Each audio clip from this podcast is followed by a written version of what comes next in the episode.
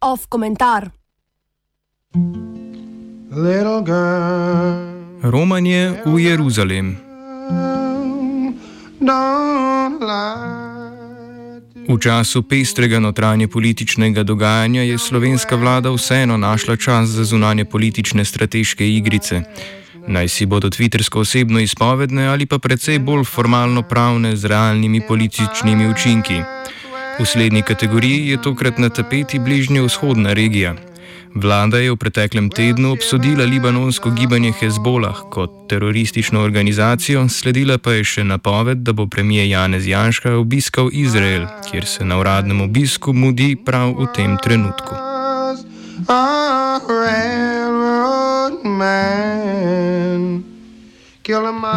Obsodba Hezbolaha je bila po vsej verjetnosti le priprava terena za lepšo dobrodošlico ob prihodu Janša v Izrael. Če si želiš zagotoviti dobro publiciteto v Izraelu, je to eden izmed najboljših pikaplajnov. Seveda, poleg napovedi, da boš za izraelsko prestolnico priznal Jeruzalem, kar pa je premijer Janša že pred dvema letoma napovedal v intervjuju za izraelski časopis Izrael Ayom. Citiramo: Da bi njegova desno-sredinska vlada priznala Jeruzalem kot glavno mesto Izraela. Janša je bil strani istega medija označen kot arhitekt slovenske demokracije, ki mu je globoka država skozi čas s pomočjo medijev pokvarila podobo v javnosti. Na slovensko pripoznanje Hezbolaha kot teroristične organizacije pa se je poleg izraelskega premijeja Benjamina Netanjahuja hvaležno odzval tudi izraelski medij The Times of Israel. Več kot očitno naša država nima nikakršnega opravka s Hezbolahom. To vrstna poteza se karikirano zdi skoraj tako irrelevantna, kot če bi vlada za teroristično organizacijo obsodila neko 350-člansko pleme Awa v Braziliji. A vendarle nedavna obsodba nakazuje bistveno bolj celostne in neposredne geopolitične nazore, kot se morda zdi na prvi pogled. Ne glede na razloge, pa bi morala biti vsaka to vrstna zunanje politična obsodba dobro premišljena in bi morala temeljiti na trdnih tleh little girl, little girl. Vlada je v imenu naše države Hezbolah v celoti obsodila kot teroristično organizacijo, s čimer se je pri tej odločitvi pridružila le peščici ostalih držav, kot so ZDA, Velika Britanija, Nemčija, Nizozemska, Honduras in Argentina. Medtem ko je v Evropski uniji že več let ustaljen standard, da se kot teroristično organizacijo žigosa zgolj vojaško krilo tega gibanja. In če kdo razmišlja o tem, zakaj je prav Evropska velesila Nemčija ena izmed tistih držav, ki so kot teroristično organizacijo žigosile celotno gibanje Hezbolah, odgovor najverjetneje tiči v zunanjih pritiskih, ker je Hezbolah v Nemčiji v preteklosti preko različnih kanalov zbral velik del finančnih sredstev in je šlo pri tem za pravno-formalni nastavek za omejevanje tovrstnih aktivnosti. Not through. Premijer Janša v povezavi z Bližnjim vzhodom rad spregovori o Hezbolahu. To smo lahko naprimer slišali že pred dvema letoma ob, ob razpravi o priznanju Palestine, ko je v debato nekako upletel tudi teroristični Hezbolah. Vprašanje, ki se ob tem lahko pojavi, pa je, ali vladni svetovalci in odločevalci poznajo gibanje onkraj njegovega delovanja v 80-ih letih, njegove aktivnosti v sirski vojni in pogosto pretirano podarjenega fanatičnega verskega elementa ter povezave z Iranom. Očitno ne. In the pines, in the pines, where the sun never. Nekaj konteksta za tiste, ki morda niste seznanjeni s Hezbolahom. Gibanje se je v Libanonu začelo vzpostavljati kot šiitsko uporniško gibanje po začetku izraelske okupacije Libanona leta 1982. V času 80-ih let in kontekstu takratne državljanske vojne je Hezbolah v glavnini deloval kot oborožena, natančneje gverilska sila. Prav v tem obdobju je Hezbolah tudi ustvaril medijsko podobo v očeh svetovne javnosti. Dogodki, kot so ugrabitev potniškega letala, napad na ameriško ambasado in samomorilski napad na osebje ameriške in francoske vojske leta 1983, so Hezbolah v številnih državah ožigosali kot teroristično organizacijo. Pripisovanje pravkar naštetih napadov pa je nekoliko dvomljivo, saj Hezbolah uradno ni obstajal pred letom 1985. Well,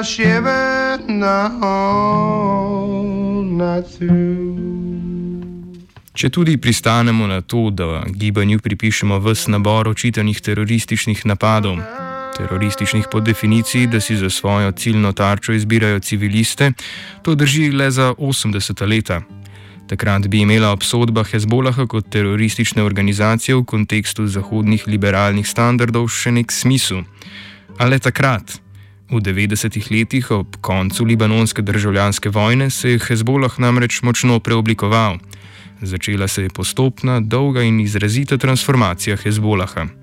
Gibanje je svoj predhodni slogan Islamska revolucija v Libanonu zamenjalo za Islamski upor v, Li v Libanonu in odprlo novo, recimo temu, dvojno igro.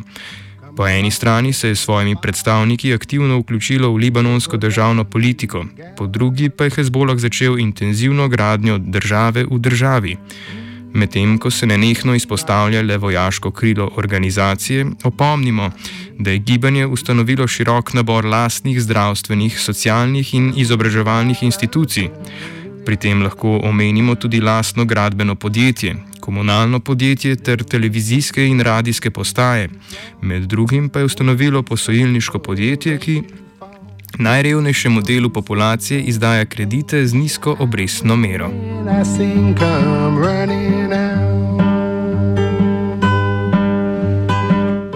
Hezbolah je v zadnjem obdobju mednarod, v mednarodnem prostoru dvignil nekaj prahu svojo aktivno vlogo v sirski vojni, v katero se je vključil na strani vladne vojske Bašarja al-Assada.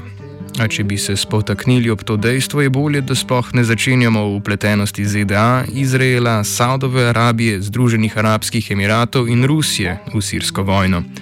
Kar zadeva obsodbe Hezbolaha glede organizacije terorističnih napadov v zadnjih dveh desetletjih, pa so te izrazito negotove.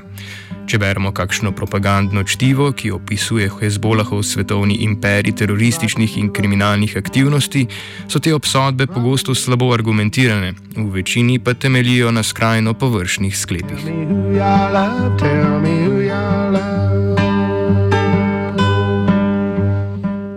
Format oddaje nam žal ne omogoča podrobnejše argumentacije, a kakorkoli že je poanta razvidna. Obsodba je predvsem lahava ali drugače rečeno prazna. Očitno ne govorimo o ekipi džihadistov, temveč o politični stranki, ki je med drugim ustvarila osnovno življenjsko infrastrukturo za najrevnejši del prebivalstva v Libanonu. S tem pa dokazuje zgolj nezmožnost oziroma nesposobnost koruptivne države, v kateri deluje.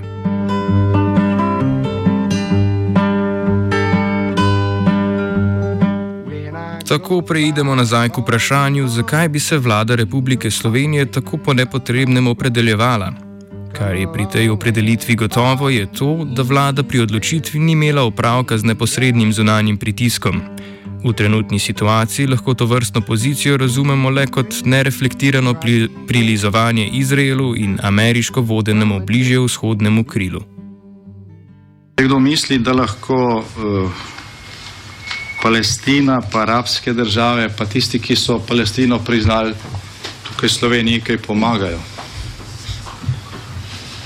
Pri tem ključnem znanju političnem cilju, ki je po mojem itak vprašljiv, ampak eh, če se zdaj postavi na stališče vlade, ne. Po vsej verjetnosti to v veliki meri drži. Tudi ali nam dodatna krepitev odnosov iz, iz Izraelom lahko pomaga? Malenkostni dvig gospodarskega sodelovanja in morebitni orožarski nakupi nikakor ne morejo pretehtati čuta za pravičnost, ter niti z najbolj oportunistične perspektive ne obetajo občutnih doprinosov. Še manj pa lahko upravičujejo poskuse zgodovinskega revizionizma, pri katerih se upravičuje ali celo zanika izraelsko agresijo ali, bog ne daj, primerja slovensko osamosvojitev z izraelsko ekspanzijo. Zdaj, mi smo situacijo, ki je takrat nastala, zelo podrobno proučili, zaradi tega, ker smo se deloma znašli v podobni situaciji. Mi smo imeli plebiscit, plebiscitni zakon je določil šestmesečni rok za razglasitev samostojne države in pač v tistem šestmesečnem roku smo mi delali tisto, kar je delal Izrael, ne palestinci, kar je delal Izrael v tistih šestih mesecih po sprejetju resolucije eh, OZN. Pričakovali smo napad in smo se na to pripravljali. Izraelci so pričakovali napad, pričakovali so, da arabske države ne bodo spoštovali resolucije, ker so to javno najavljali. In so se na to pripravljali. Niso bili Izraelci agresor. Izrael ni bil agresor prvo uro, ko uh, so razglasili samostojnost oziroma ko so prevzeli funkcije na podlagi resolucije uh, Združenih narodov, se pravi na podlagi legitimne, legalne uh, osnove, so jih napadle države, ki so imele 50krat večje število prebivalstva, uh, ne vem koliko sto tankov, letal, uh, nekaj milijonov vojakov.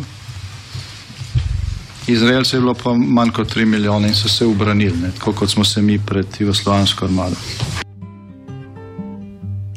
Janša je na istem zasedanju govoril o tem, da gre pri vprašanju priznanja Palestine, poleg iranskega financiranja, za politizacijo, s katero naj bi se pridobivali glasovi voljivcev, ki gojijo nostalgijo do gibanja neovrščenih. V določeni meri ima verjetno prav a v referenci na gibanje neovrščenih je morda bolj kot to prisotna travma slovenske zunanje politike. Ta se mora v določeni meri sprijazniti, da nima in ne more imeti resnega vpliva na globalno politiko. Sicer pa je večja mera nerodne politizacije razvidna v sledeči logiki. Večji problem je, eh, po mojem, problem identitete, ki uh, je osnova za napačno zunanje in ostalo politiko. Mi smo šli v Evropsko unijo. V številnih dokumentih Evropske unije piše, da Evropska unija združuje tiste, ki delijo iste vrednote in enak civilizacijski okvir. In ta okvir je judovsko-krščanska tradicija in razsvetljenstvo, človekove pravice, vladavina prava. In jaz tega okvira v, v, v tem koraku, o katerem danes razpravljamo, eh, ne vidim. Največja parodija pri pravkar slišanem miselnem okviru pa se skriva v tem, da se slovenska vlada zavezuje tistim igravcem, ki svojo politiko ustvarjajo nove vale migracij in posledično so ustvarjajo tako oklicano ideologijo spopadov svetov. Ob idejah ameriško moderirane normalizacije, ki naj bi privedla do tako oklicanega miru in stabilnosti na Bližnjem vzhodu, pa opomnimo na ključen pomislek. Gre namreč le za stabilizacijo odnosov med Izraelom in osrednjimi naftnimi kraljestvi.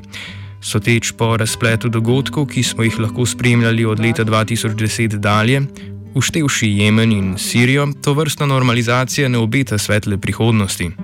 Izražanje podpore to vrstni politiki pa, kot že nakazano, ne zadeva le bližnjega vzhoda, temveč se vklaplja v celo, celostni zunani politični nazor Slovenije. Če to držo postavimo ob prepoved postavitve Huawei-evega omrežja 5G, gre le za drugo plat istega kovanca.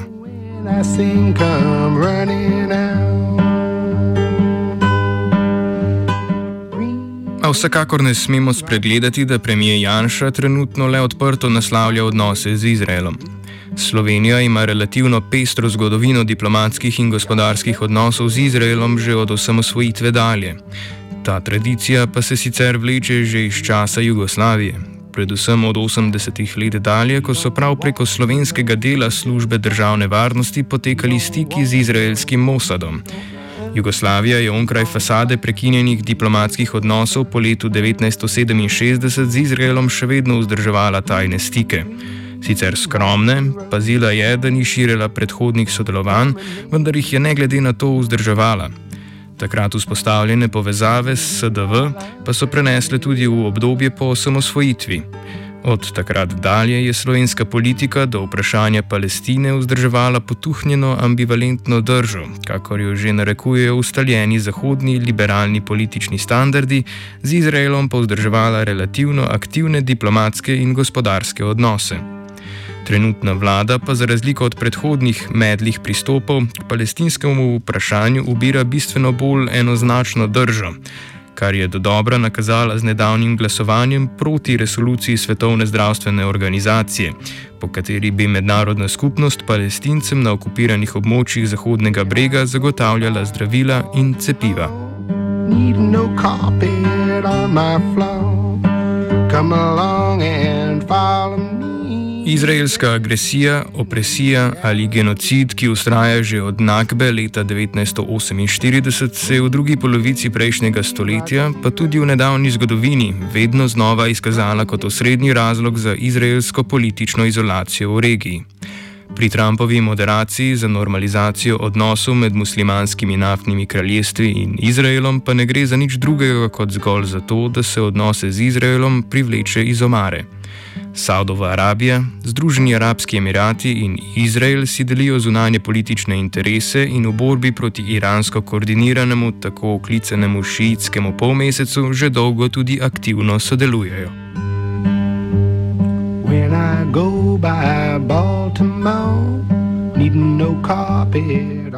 S krajšo zamudo premijeju ob prihodu v Jeruzalem olčno vejico pošilja Smolič.